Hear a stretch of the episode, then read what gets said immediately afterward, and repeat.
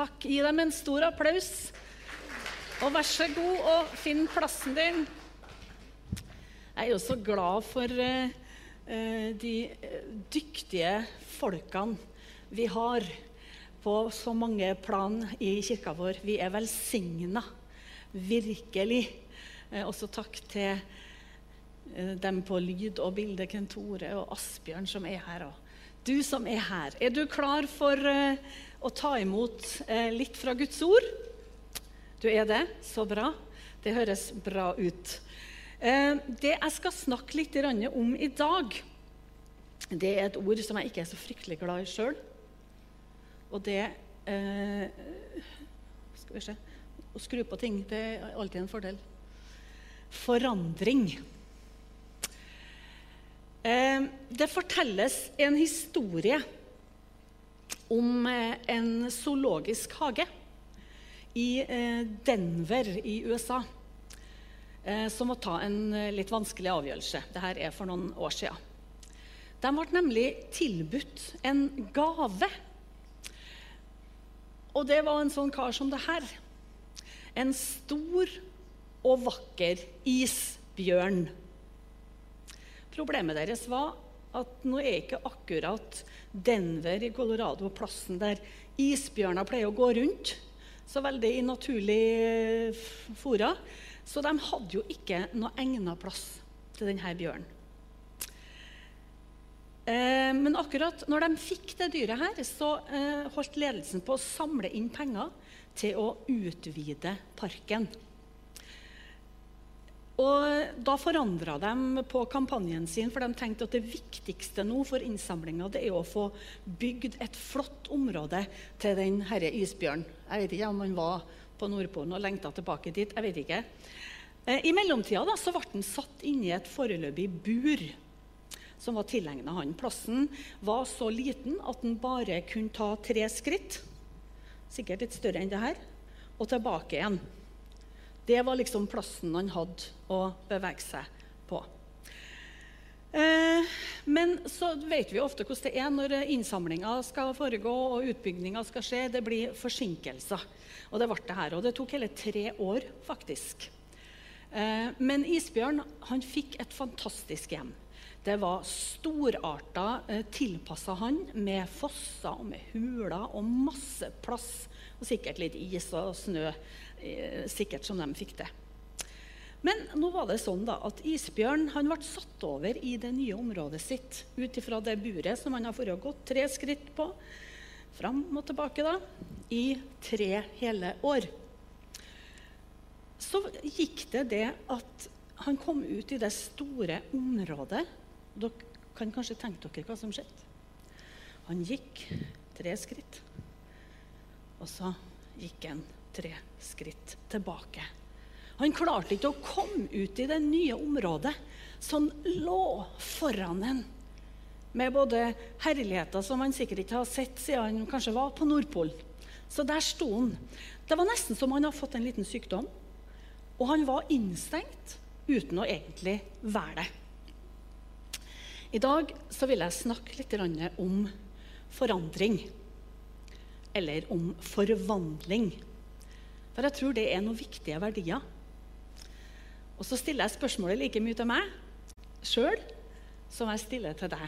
Jeg innleda med å sa at jeg ikke er så fryktelig glad i forandring sjøl. Hvordan stiller du deg til det? Hvordan er du og jeg i møte med forandringer som nødvendigvis av og til skjer i livene våre? Tråkker vi bare de tre meterne fortsatt? Eller omfavner vi det på noe vis? Eh, I Efeserbrevet, kapittel 4, vers 15, så står det Det er det Paulus som sier. At vi skal være tro mot sannheten i kjærlighet. I ett og i ett og alt. Voks opp til Han som er hodet, og det er Kristus.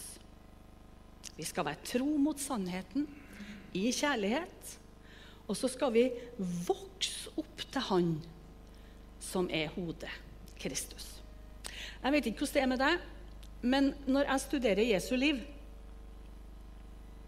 og leser evangeliene, så legger jeg merke til at når Jesus kommer i møte med folk, så skjer det alltid noe. Det bringer med seg forandring der Jesus kommer. På en eller annen måte. Han stiller mennesker på valg. Det har vi mange eksempler på. Han eh, utfordrer så det holder innimellom for noen, kanskje. Han stiller spørsmål. Alt dette gjør han for å få mennesker til å tenke, til å reflektere og til å ta noen valg. Han setter mennesker veldig ofte på valg. Hva vil du nå? Sakkeus. Eller kvinnen ved brønnen. Eller disiplene hans. Eller fariseerne. Han stiller folk på valg. Og Bibelen er jo full av historier, fortellinger om det her. Hvordan mennesker ble satt på valg. Utfordrende, livsforvandlende beretninger. Og det er mange eksempler. En av de mest kjente beretningene det er historien om Saulus, som ble til Paulus i Det nye testamentet. Og Vi kan lese om det her i apostlenes gjerninger. Det er egentlig en ganske fascinerende historie. Jeg vet ikke, Mange av dere har sikkert lest den før. Og du som ser på oss i dag fra gudstjenester, har kanskje vært kjent med Paulus' liv. Men la oss ta et lite dykk nå da, inn i Paulus sitt liv. Eh, vi møter jo Paulus i Det nye testamentet, som sagt, og vi møter ham mange ganger. Vi leser om ham i apostelens gjerninger og i de 13 brevene i Det nye testamentet som han har som forfatter. Og Apostlenes gjerninger er jo skrevet av eh, legen Lukas. Og han var jo med Paulus på mange av misjonsreisene. Så Derfor kjenner han godt til Paulus sitt liv. Og De 13 brevene de er jo skrevet til enkeltmenigheter som han var med og starta opp, og også til enkeltpersoner. Til folk som eh, sto nær i tjenesten. Og om, de omhandler ulike spørsmål som gjelder både tro og livsførsel og litt forskjellig. Men i noen av historiene om Paulus, så tar han også fortelle sin egen historie. Og det er den jeg skal gripe litt tak i. Og jeg tror nesten at Paulus, ved siden av Jesus Kristus, selvfølgelig kanskje er den mest beskrevet personen i Det nye testamentet. Eh, det vi vet om ham, er at han ble født ca. rundt år 10 etter Kristus. Så han var yngre enn Jesus, i byen Tarsus. Det var da hovedstaden i den romerske provinsen Kilkia i Lille-Asia, som i dag er Tyrkia. Og denne byen den var et knytepunkt eller ikke knytepunkt, men et knutepunkt, kanskje, mellom øst og vest. Eh, og det for viktige handelsveier forbi eh, Tarsus. Så han eh, Eh, vokste opp i et sånt skille mellom øst og vest. Og byen var også kjent for sitt filosofiske miljø. Det var en liten jødisk befolkning i eh, Tarsus, en minoritet. Og Paulus var født av jødiske foreldre. Faren var samtidig romersk statsborger, og det sier oss litt om at Paulus ikke kom fra fattige kår akkurat. Han arva dette borgerskapet og Det kan tyde på at faren var både rik og privilegert. For det var ikke hvermannsen som fikk tildelt et romersk borgerskap, som ikke var født inn i det som romer. Eh, og han var oppkalt da, etter jødenes første konge, Saul. Som på gresk blir Saulus, og på latin så blir det Paulus. Og Oppveksten hans i Tarsus den vet vi ikke så mye om, annet enn at vi kan anta at det var prega av familiens jødiske bakgrunn. Her har han sikkert gått i synagogen som var i byen, og han har blitt opplært fra Det gamle testamentet med jødisk lov og skikk. Slik det var i synagogen. Og det var det sentrale samlingspunktet for befolkninga. Dette ga han jo sikkert en trygg plattform i livet. Og troa hans på Israels Gud, den ble, han opplært i, i fra første stund når han ble båret fram inn i synagogen. Han kjente budene. Og det gjorde at han sikkert tidlig lærte seg å se hva som var rett, og hva som var galt. Og han vokste opp i en by hvor de snakka tre språk, både arameisk, hebraisk og gresk. Vanligvis så slutter en sånn jødisk gutt med utdannelsen sin når han er 12-13 år. Da er det noe som kalles bar mitzvah. Det er en slags form for konfirmasjon, hvis vi skal tilegne noe som vi kjenner litt til. Så eh, vi kan regne med at eh, da kunne en lese og legge ut de gamle testamentlige tekstene. Og kunne delta i samtalene som menn hadde i synagogen. Men det som er litt spesielt da, kanskje med Paulus, eller Saulus, på den tida her, det var at foreldrene ikke syntes det var nok utdannelse for han. Og Det sier oss kanskje at de hadde midler som gjorde at de kunne sende den. Og det var ikke, var ikke hvor som helst de sendte den. Men de sendte den til Jerusalem for at han skulle utdanne seg som rabbi. Og de sendte den til en jødisk lovlærer. Det var sånn at det var rabbier som hadde egne skoler. Og Gamaliel var en jødisk lovlærer som var meget kjent og anerkjent.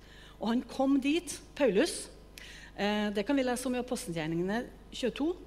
Og han lærte seg det han kunne å få tak i ved Gamaliels føtter.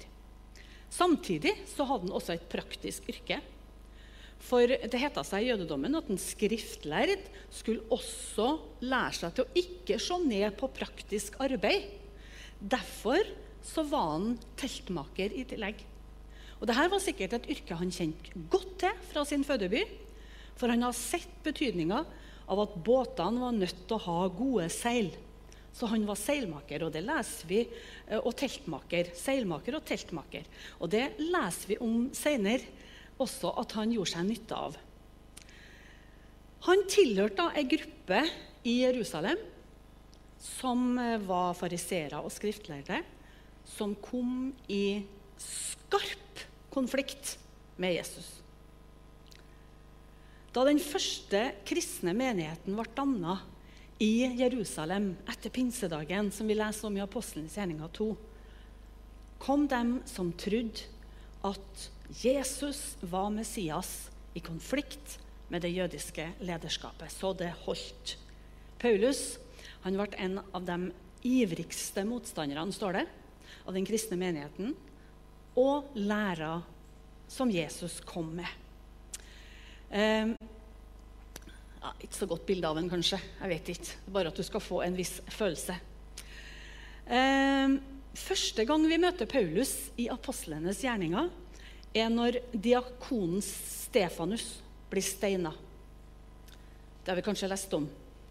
Og det er ca. i um, da noen år, altså rett etter den kristne menigheten har starta. Vi kan lese om det i Apostlenes gjerninger 7.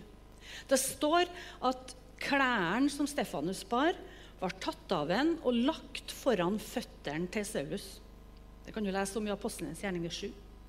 Og det sies ganske uttrykkelig at han var enig i mordet på Stefanus da Stefanus ble steina. Og Vi kan også lese at fra den dagen her så starter Paulus en intens forfølgelse av de kristne i Jerusalem. Han oppsøker dem i hjemmene, han drar dem ut av husene, og han kaster dem i fengsel. Han var hellig overbevist om at denne sekta her, eller den kulten her, måtte slås hardt ned på. Dette måtte stoppes. Det stopper ikke bare med Jerusalem. Men han vil også arrestere dem som flykter ut av byen. For de kristne spredde seg utover byen, og det gikk rykter i Jerusalem at det faktisk også hadde spredt seg til Damaskus i Syria. Og da står det at han, Paulus ytrer ønske om å dra til Damaskus for å føre menn og kvinner, kristne, tilbake til Jerusalem i lenker. Og Damaskus lå en seks-sju dagsreiser faktisk unna. Det var ca. 24 mil.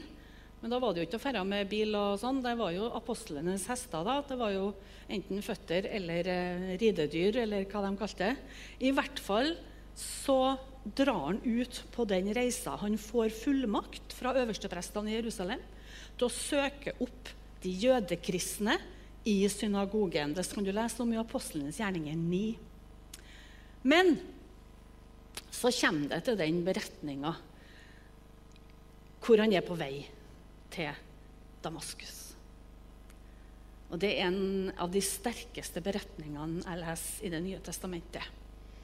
Og det her er en beretning som forvandler Saulus sitt liv fullstendig. Og Lukas han skriver om det her. Og Paulus sjøl tar det fram mange ganger i løpet av uh, sitt seinere liv. Tar han det opp i forsvarstaler som han holder. Han tar det opp i brev som han skriver.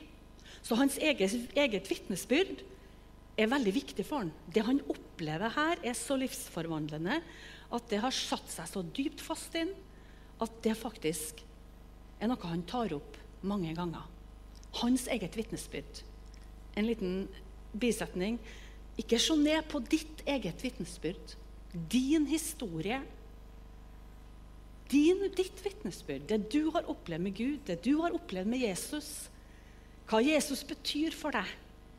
Ditt eget vitnesbyrd har stor verdi, og Paulus skjønte det. Eh, jeg skal lese det som står eh, om akkurat den livsforvandlende møtet i Apostelens gjerninger 9. Eh, der står det Underveis, da han nærma seg Damaskus, så strålte plutselig et lys fra himmelen omkring ham. Han falt til jorda, og så hørte han en stemme som sa, 'Saul, Saul, hvorfor forfølger du meg?' 'Hvem er du, Herre?' spurte Saul. Og svaret lød, 'Jeg er Jesus, han som du forfølger.' Men reis deg nå og gå inn i byen. Der vil noen si deg hva du skal gjøre.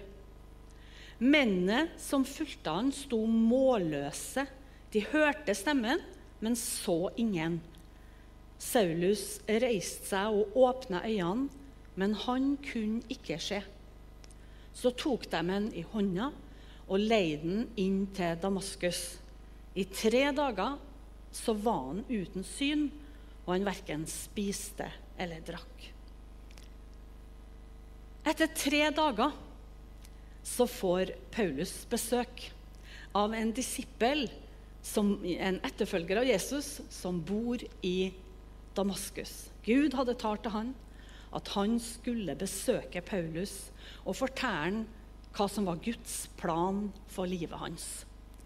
Det står om Ananias at han ikke var særlig villig i utgangspunktet. For han hadde hørt ryktet om Paulus hadde gått foran en. De kristne i Damaskus var vettskremte for at denne mannen skulle komme, og ryktene som fortalte det han hadde gjort mot de kristne i Jerusalem, hadde løpt den forut. Så de, han var ikke så villig. Men Herren sa til ham, 'Gå, for jeg har utvalgt han som mitt redskap til å bære fram mitt navn for hedningefolk og konger og for Israels folk. Og jeg skal vise ham alt han må lide for mitt navns skyld. Der kan du lese om i Apostlenes gjerninger 9. Og Ananias han gjør det her. Og han forteller Paulus det Gud har sagt til han. Og mens de samtaler, så får han synet igjen, og han blir også døpt. Han er blitt en disippel av Jesus.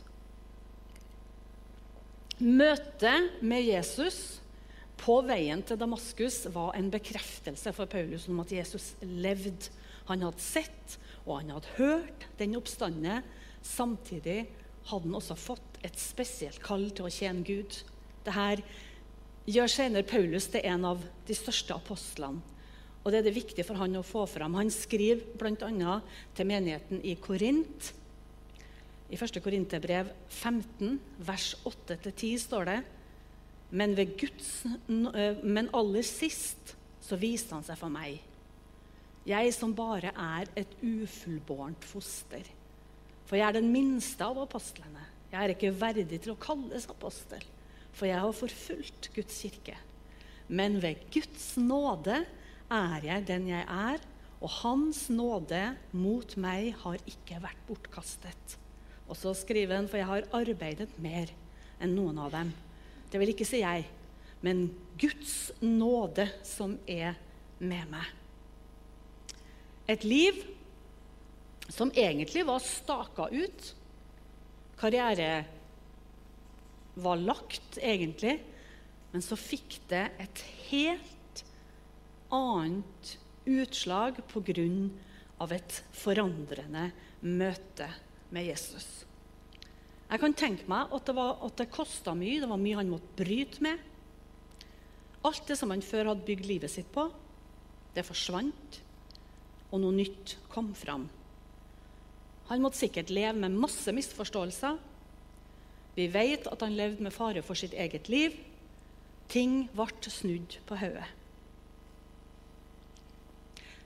Ikke alle av oss har hatt et sånt kraftig livsforvandlende møte, kanskje, som vi kan vitne om, som plutselig ble så dramatisk. Men ethvert møte med Jesus er livsforvandlende.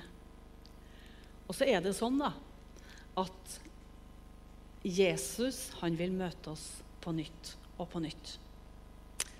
Hvordan stiller jeg meg og hvordan stiller du deg? Hvordan stiller vi oss til forandring? Du kan få tygge litt på det. Personlig så er ikke jeg så fryktelig glad i det. Det må jeg innrømme. Jeg pleier å si at jeg er født på ei øy. Jeg var best i retningene opp og ned. Eh, og så er jeg som person Jeg liker helst det vante det som er kjent, og det som er kjært. Når jeg er på ferie, så gleder jeg meg til å komme hjem til å drikke te av min kopp. Jeg, gleder, jeg har til og med reist rundt med min egen hodepute. Jeg ser det er noen som nikker her. Jeg skal ikke ta noen navn, men det er flere av oss. Det er noen som snakker om mi dyne. Og så er det noen av oss som blir da litt utfordra, for vi kan jo kanskje leve sammen med noen, eller være gift med noen, eller, eller ha venner som stadig skal gjøre noe nytt og noe annet. Jeg syns det er kjekkest å dra på ferie til dit vi har vært før. For det er så kjent. Og Så kan du kanskje være gift med noen som stadig vil dra til nye plasser, og de skal kjøre andre veier som vi ikke har kjørt før. Hva som er vitsen med det, da? Når vi vet at den veien der går dit vi skal? Det er altså så greit å bare kjøre dit vi alltid har kjørt. Jeg skal ikke nevne noen navn. Men eh, det er stadig jeg, også venner som en kan ha. Jeg husker en gang jeg var i Israel på besøk hos ei som var misjonær der. Hun var enslig da, eh, ble senere gift. Eh, men hun levde alene i Jerusalem. Det var jo skremmende for, for meg. Å gå ut i denne labyrinten i gamlebyen i Jerusalem det er jo som å slippe meg ned i høysåte. Det, det, går ikke. Men hun gikk og fant og var så tøff. Og så skulle vi på biltur. Og vi skulle kjøre ned til Jeriko og kjøre Vestbredden opp helt til eh, Genesaretsjøen. Og, så skulle vi, til, og mens vi var der, så skulle vi opp på Golanhøydene, fant de ut. Og der oppe var det restriksjoner overalt. Det sto skilt. Og da, vet du Personligheten her vil da Nei, nå snur vi. Nei da, det her er ikke noe farlig. Vi bare kjører litt Nei, nå snur vi. Så det, det, det stadig ble, ble konflikt. Men på en, på en annen måte så beundrer jeg litt folk også som tørs. Jeg tenker, har tenkt noen gang jeg skulle ha likt å torse litt mer. Det er litt farlig å si det nå, men, men, men jeg skulle noen gang ha gjort det. Men sånn i personligheten min så liker jeg best det trygge, det vante. Det er noen som sier 'forandring fryder not', sier jeg. Nei, nei, det er ikke alltid det er like greit. Noen mennesker elsker det. Det oppleves spennende og utfordrende. Andre av oss er litt mer forsiktig. Men jeg har jo hatt perioder i livet, og det har kanskje du også, hvor du har stått på valg, hvor du måtte ha kasta deg litt uti. Å kaste seg litt uti med Jesus. Er det bare noe som hører ungdomstida til? Eller er det noe vi som troende skal leve i hele livet? Det å tørre med Jesus. Vi vet at de fleste som tar imot Jesus, de gjør det mellom 17 og 20 år. Og man snakker om det også i forskning, at det å ta valg det blir vanskeligere og vanskeligere til mer etablert og satt vi er. Og jeg tenker at Det er ikke noe å oppsøke forandring bare for forandringens skyld. Det må være en grunn til at det skal skje noe forandring. Men hvordan er viljen min til forandring hvis jeg kjenner at Gud pirker på noe eller snakker til noe om meg i livet mitt? Jeg har tenkt på disiplene i båten på Genesaretsjøen den dagen Jesus kommer gående på vannet.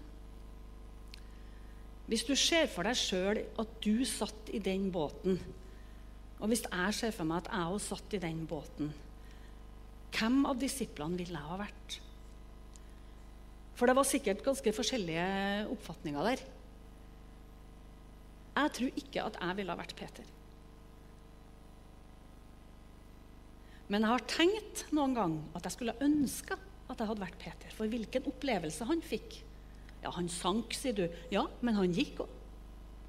Han gikk òg. Min svigerfar han hadde et oppdrag en gang til en kunstner. Han ville at han skulle male et bilde av Peter og, og situasjonen når Jesus kommer på vannet. For han har sett så mange bilder av det rundt omkring i de tusen hjem. Og det er alltid et bilde av Peter når han synker, og, og, og, Jesus som drar han opp. Du ser et fortvilt ansikt på Peter, og så er Jesus som drar han opp. Men han ville ha et bilde av Peter når han gikk på vannet. For han gikk. Jeg tror kanskje at jeg ville ha vært blant dem som satt i båten og var ganske tørre på føttene. Og det er ikke noe galt i det, men Peter, han gikk. Hvordan reagerer jeg da når jeg blir utfordra? Når eh, Frank og jeg har jo vært misjonærer i noen år. Og når vi hadde misjonskall for å dra ut til menighetsplanting i Sør-Tyskland, så ville ikke jeg det. Ikke i det hele tatt. Jeg ville ikke det. Men jeg sa jo ikke det høyt, for det sømmer seg jo ikke for en troende pastorfrue å si det. Og Vi hadde et kall til en annen menighet i et, en annen del av landet på den tida, og vi dro dit. Det var sånn den tida det var prøvepreking. vet du. Vi var der og prøveprekte. ikke sant? Om hvis folket liker gutten, så, og gutten liker folket, så kan det hende det blir noe av det her. Og Det var et sånt gjennomslag i de møtene. du. Det var helt fantastisk. Og jeg tenkte takk gode Gud! Det blir jo ikke noe Tyskland, det er jo dit vi skal. Det er jo helt tydelig. Gud har jo talt. Så jeg var jo salig når vi kjørte hjem på søndagskvelden. Og så snudde jeg meg til min store overraskelse mot min mann, og så sa jeg det at Herlig med Jesus, du. Han taler. Og så hørte jeg til min store forundring. Jeg trodde jeg var gift med en åndelig mann. Og så sier han det. Men jeg er ikke så sikker på det. Ja, det var ikke det at jeg ikke var sikker på at Gud hadde virka. Men enden på den historien det var at min bekvemmelighet, mitt ønske om å ha det komfortabelt, sto egentlig fryktelig i veien for det Gud egentlig ville. Og jeg måtte komme til et punkt hvor jeg måtte bare dra det litt unna og si Gud. Og jeg snakka i ett kjør. Når jeg skulle, være, jeg skulle være, søke Gud, og jeg prata og prata og prata og prata og prata og ba og ba høyere og høyere. For man trodde jo da at da ble det mer salig, vet du. Men, og, så, og til slutt så, så, var det som jeg sa, Gud du, du, må, du, sier jo ikke noe. Nei, så var det som det kom tilbake. Nei, men er det noe rart, da? For du har jo ikke tida til å høre.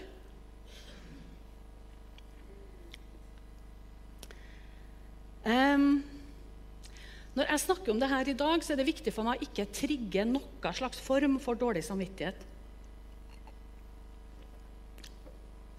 At du nå sitter her og tenker ja, hm, jeg tar ikke noe valg. Nei, jeg skulle ha forandra. Du kanskje har et register i hodet ditt på ting du tenker.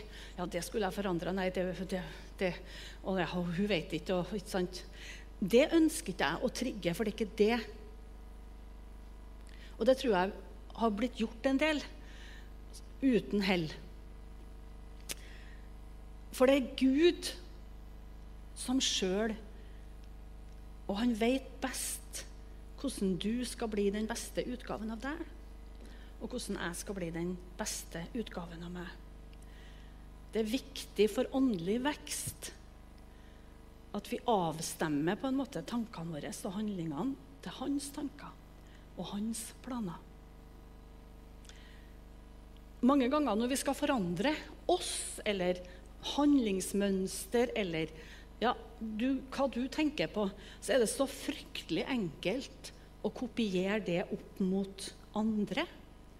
Andre sine åndelige ritualer eller andre som gjør ting. Nei, det skulle ha vært sånn som det var i Pensacola ja, på 90-tallet. Kjære enn om vi har reist til Toronto. Da, da hadde det skjedd, da. Eller hvis vi har dratt hit eller dit. For der virker jo Gud. Og der er jo Nei, altså, alt det der er et annet sted. Helt annet sted, ofte. Men du er du, og jeg er meg. Og vi er ikke ment å bli sånn som noen andre. Vi kan ha gode forbilder. Det er ikke feil, det er bra og godt å ha forbilder å strekke seg etter. Men det er Jesus som er vårt store forbilde, og det er han som kan forandre meg.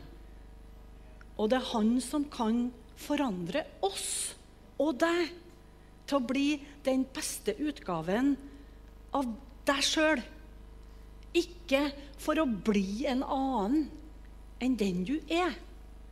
Du skal bli den beste utgaven av deg sjøl. Gud vet hva det er. Han har skapt deg. Og det er Gud som skaper åndelig vekst i oss. Du er ikke noe kopi. Jeg er ikke noe kopi. Skal, du skal ikke bli som meg, jeg skal ikke bli som deg. Både målet og veien dit er ulik for de fleste av oss. Og det er Gud som vet best. Hør på Han. Og det andre det er at åndelig vekst, det som jeg starta med, om at vi skal vokse opp til Han, det er noe som skjer ved Guds nåde, folkens.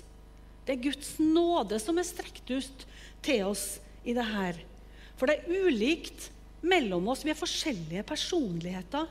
Og vi trenger Guds nåde for å vokse opp til å bli Kristuslik. Mange tenker at nåde er noe jeg trenger for å bli frelst, for å bli en kristen. Men nåde er noe jeg trenger hele livet. Og du og vi trenger hele livet. Vi trenger nåde til å bli forvandla til, til Jesusbildet. Og prosessen med å være den beste utgaven av deg sjøl krever like mye nåde fra Gud som at den nåden du skal ha for å bli tilgitt og frelst. Jeg trenger nåde for å se mitt handlingsmønster i enkelte situasjoner som ikke er bra på enkelte områder, så kommer Gud, og det er Hans nåde at han peker på det i mitt liv. Og så kan jeg gå i dialog med Gud, jeg kan gå i en prosess med Gud. Og så er det Han ved Hans nåde at det skapes i meg. Det er ikke noe jeg trenger å anstrenge meg til for å få til. Dra seg sjøl etter håret. Hvor mange ganger har vi ikke dratt oss etter håret for at vi må be mer, vi må lese mer, vi må tro mer? Merker du hvem som er i sentrum? Det er vi, det er jeg, men det er jo han som i meg skaper en lengsel etter å vil be mer, til å vil lese mer, til å bli tru Han mer. Det er Guds nåde som driver oss. Det er Gud som kommer. Helliggjørelse vet du, er et gammelt ord som det ble snakka mye om kanskje før. Og det er ikke vårt verk, men det er Kristus. Det er Guds verk av nåde. Faktisk så lever vi på nåde. Eh, drivstoffet som får enhver troende framover, det er nåde. En bil forbrenner bensin eller diesel eller elektrisitet for å kjøre fram på veien, og en kristen forbrenner nåde for å komme oss videre på veien. Og Det herlige med nåden da, det at det ikke er noe fossilt brennstoff som tar slutt. Det begynner ikke å plinge noen gang og si at nå må du For det er alltid ny nåde. Den er ren, og den er fornybar, og den er ny hver eneste morgen for deg og for meg. Du kan leve i det.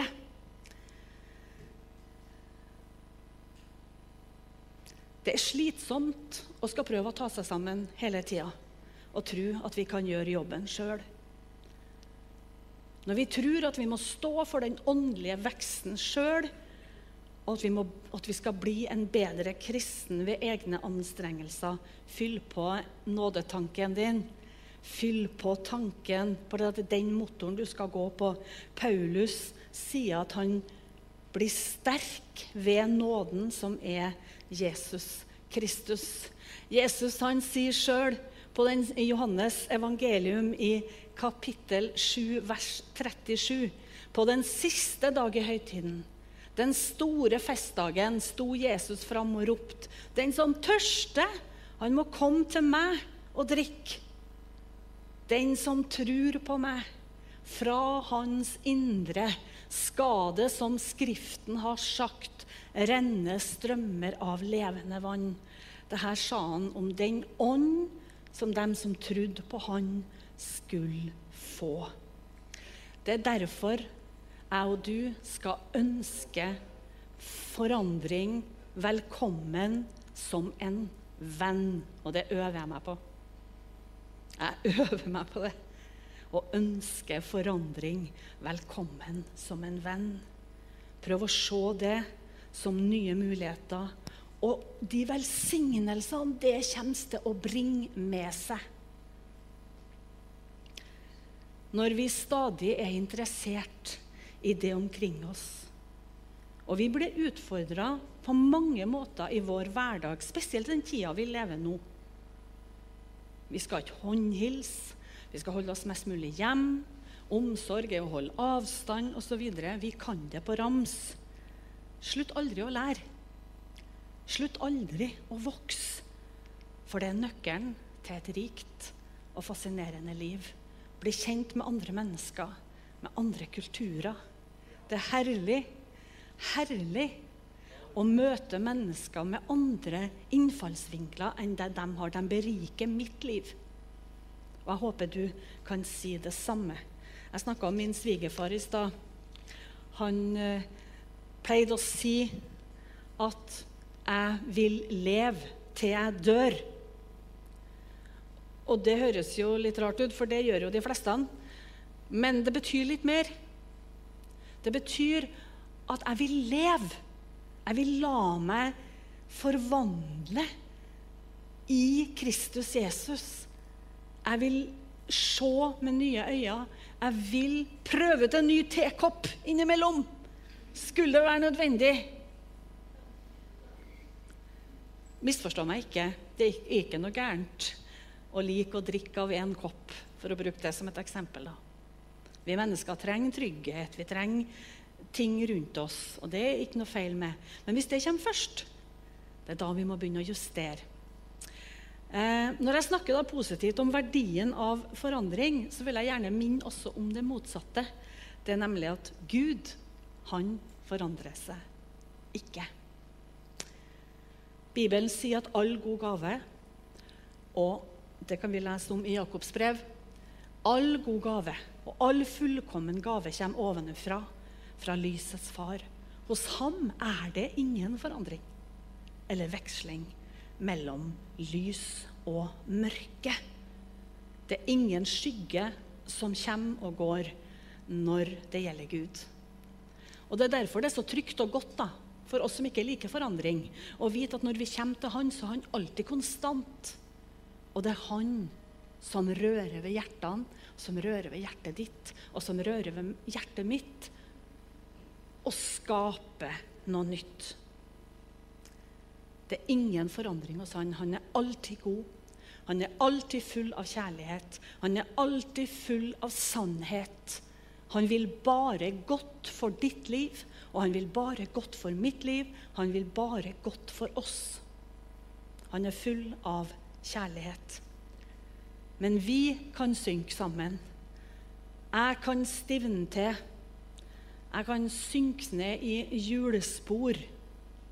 Du vet at I fjor vinter, nei, ikke sist vinter, men for halvannet år siden, så skulle jeg kjøre ut her fra parkeringsplassen foran. Så var det midt i rushtrafikken. Det var den tida vi levde normale liv. Det var fullt av biler i Prinsens gate. Så det gikk ikke an å komme ut. Så jeg tok sant, litt til venstre på fortauet. Dere er med? Forbi frisøren. Og så skulle jeg inn den veita der. Dere er med? Ja. Jeg hadde en tung, svær Audi, og det var slapsføre og hjulspor. Og jeg kom meg inn i der inn der og kjørte kanskje ti meter og bare boom. Der sto den store, tunge Audien bom fast. Det nytta ikke. Jeg prøvde å lirke, jeg prøvde å rygge, jeg prøvde å kjøre foran. Jeg var sunket inn i et spor som det var klin umulig å komme seg ut av. Hva gjør du da? Da tar du opp telefonen din og så ringer du alle du finner. Og de som var her i huset, og de som satt i møte her i huset Slutt møtet! Dere må komme nå! Og De kom springende fra øst og vest, fra sør og nord. Og var, De holdt på med fire skufler, for de, den hang oppå. Så hjulene sto og, og sånn Jeg fikk et bilde. vet du, Sånn kan jo livene våre noen gang være. At vi sitter så gæli fast at de, måtte, de, måtte, under bil med fare for eget liv, for den kunne jo synke ned. tenkte jeg, så Nå skal du se, nå blir det her blir trasig nå. Men de, de fikk det til, og de holdt på i en time for å grave meg løs. Så jeg, jeg, har ikke kjørt der ennå. På sommeren heller. Frank har gjort det, men ikke jeg. tror Jeg Jeg tør ikke noe, tenker aldri på den veien. Den er sletta fra min hukommelse. Men noen ganger er livet sånn at vi føler at vi sitter fast i noen spor. Da skal du vite at Gud, vår gode far, han kommer vet du, med skufler og jeg vet ikke alt. Han gjør at det ikke blir farlig. Men det er noe godt som kommer framom det her. Gud ønsker at jeg og du skal være mjuke, sånn at vi er for, at vi kan forandre oss og lytte til Han. La oss med glede forvandles av Han som har skapt oss. I Jesu navn skal lovsangeren komme fram her, og så skal vi be en bønn. Vi kan reise oss hvis vi ønsker det. Takk, himmelske Far, for at du er en god far, en god Gud. Du som kommer med forandringens vind over livene våre.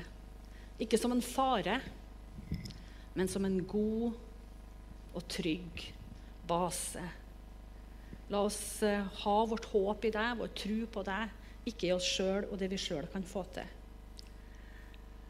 Jesus Kristus, jeg takker deg for at du er her akkurat nå, og at du hører oss når vi ber. Amen.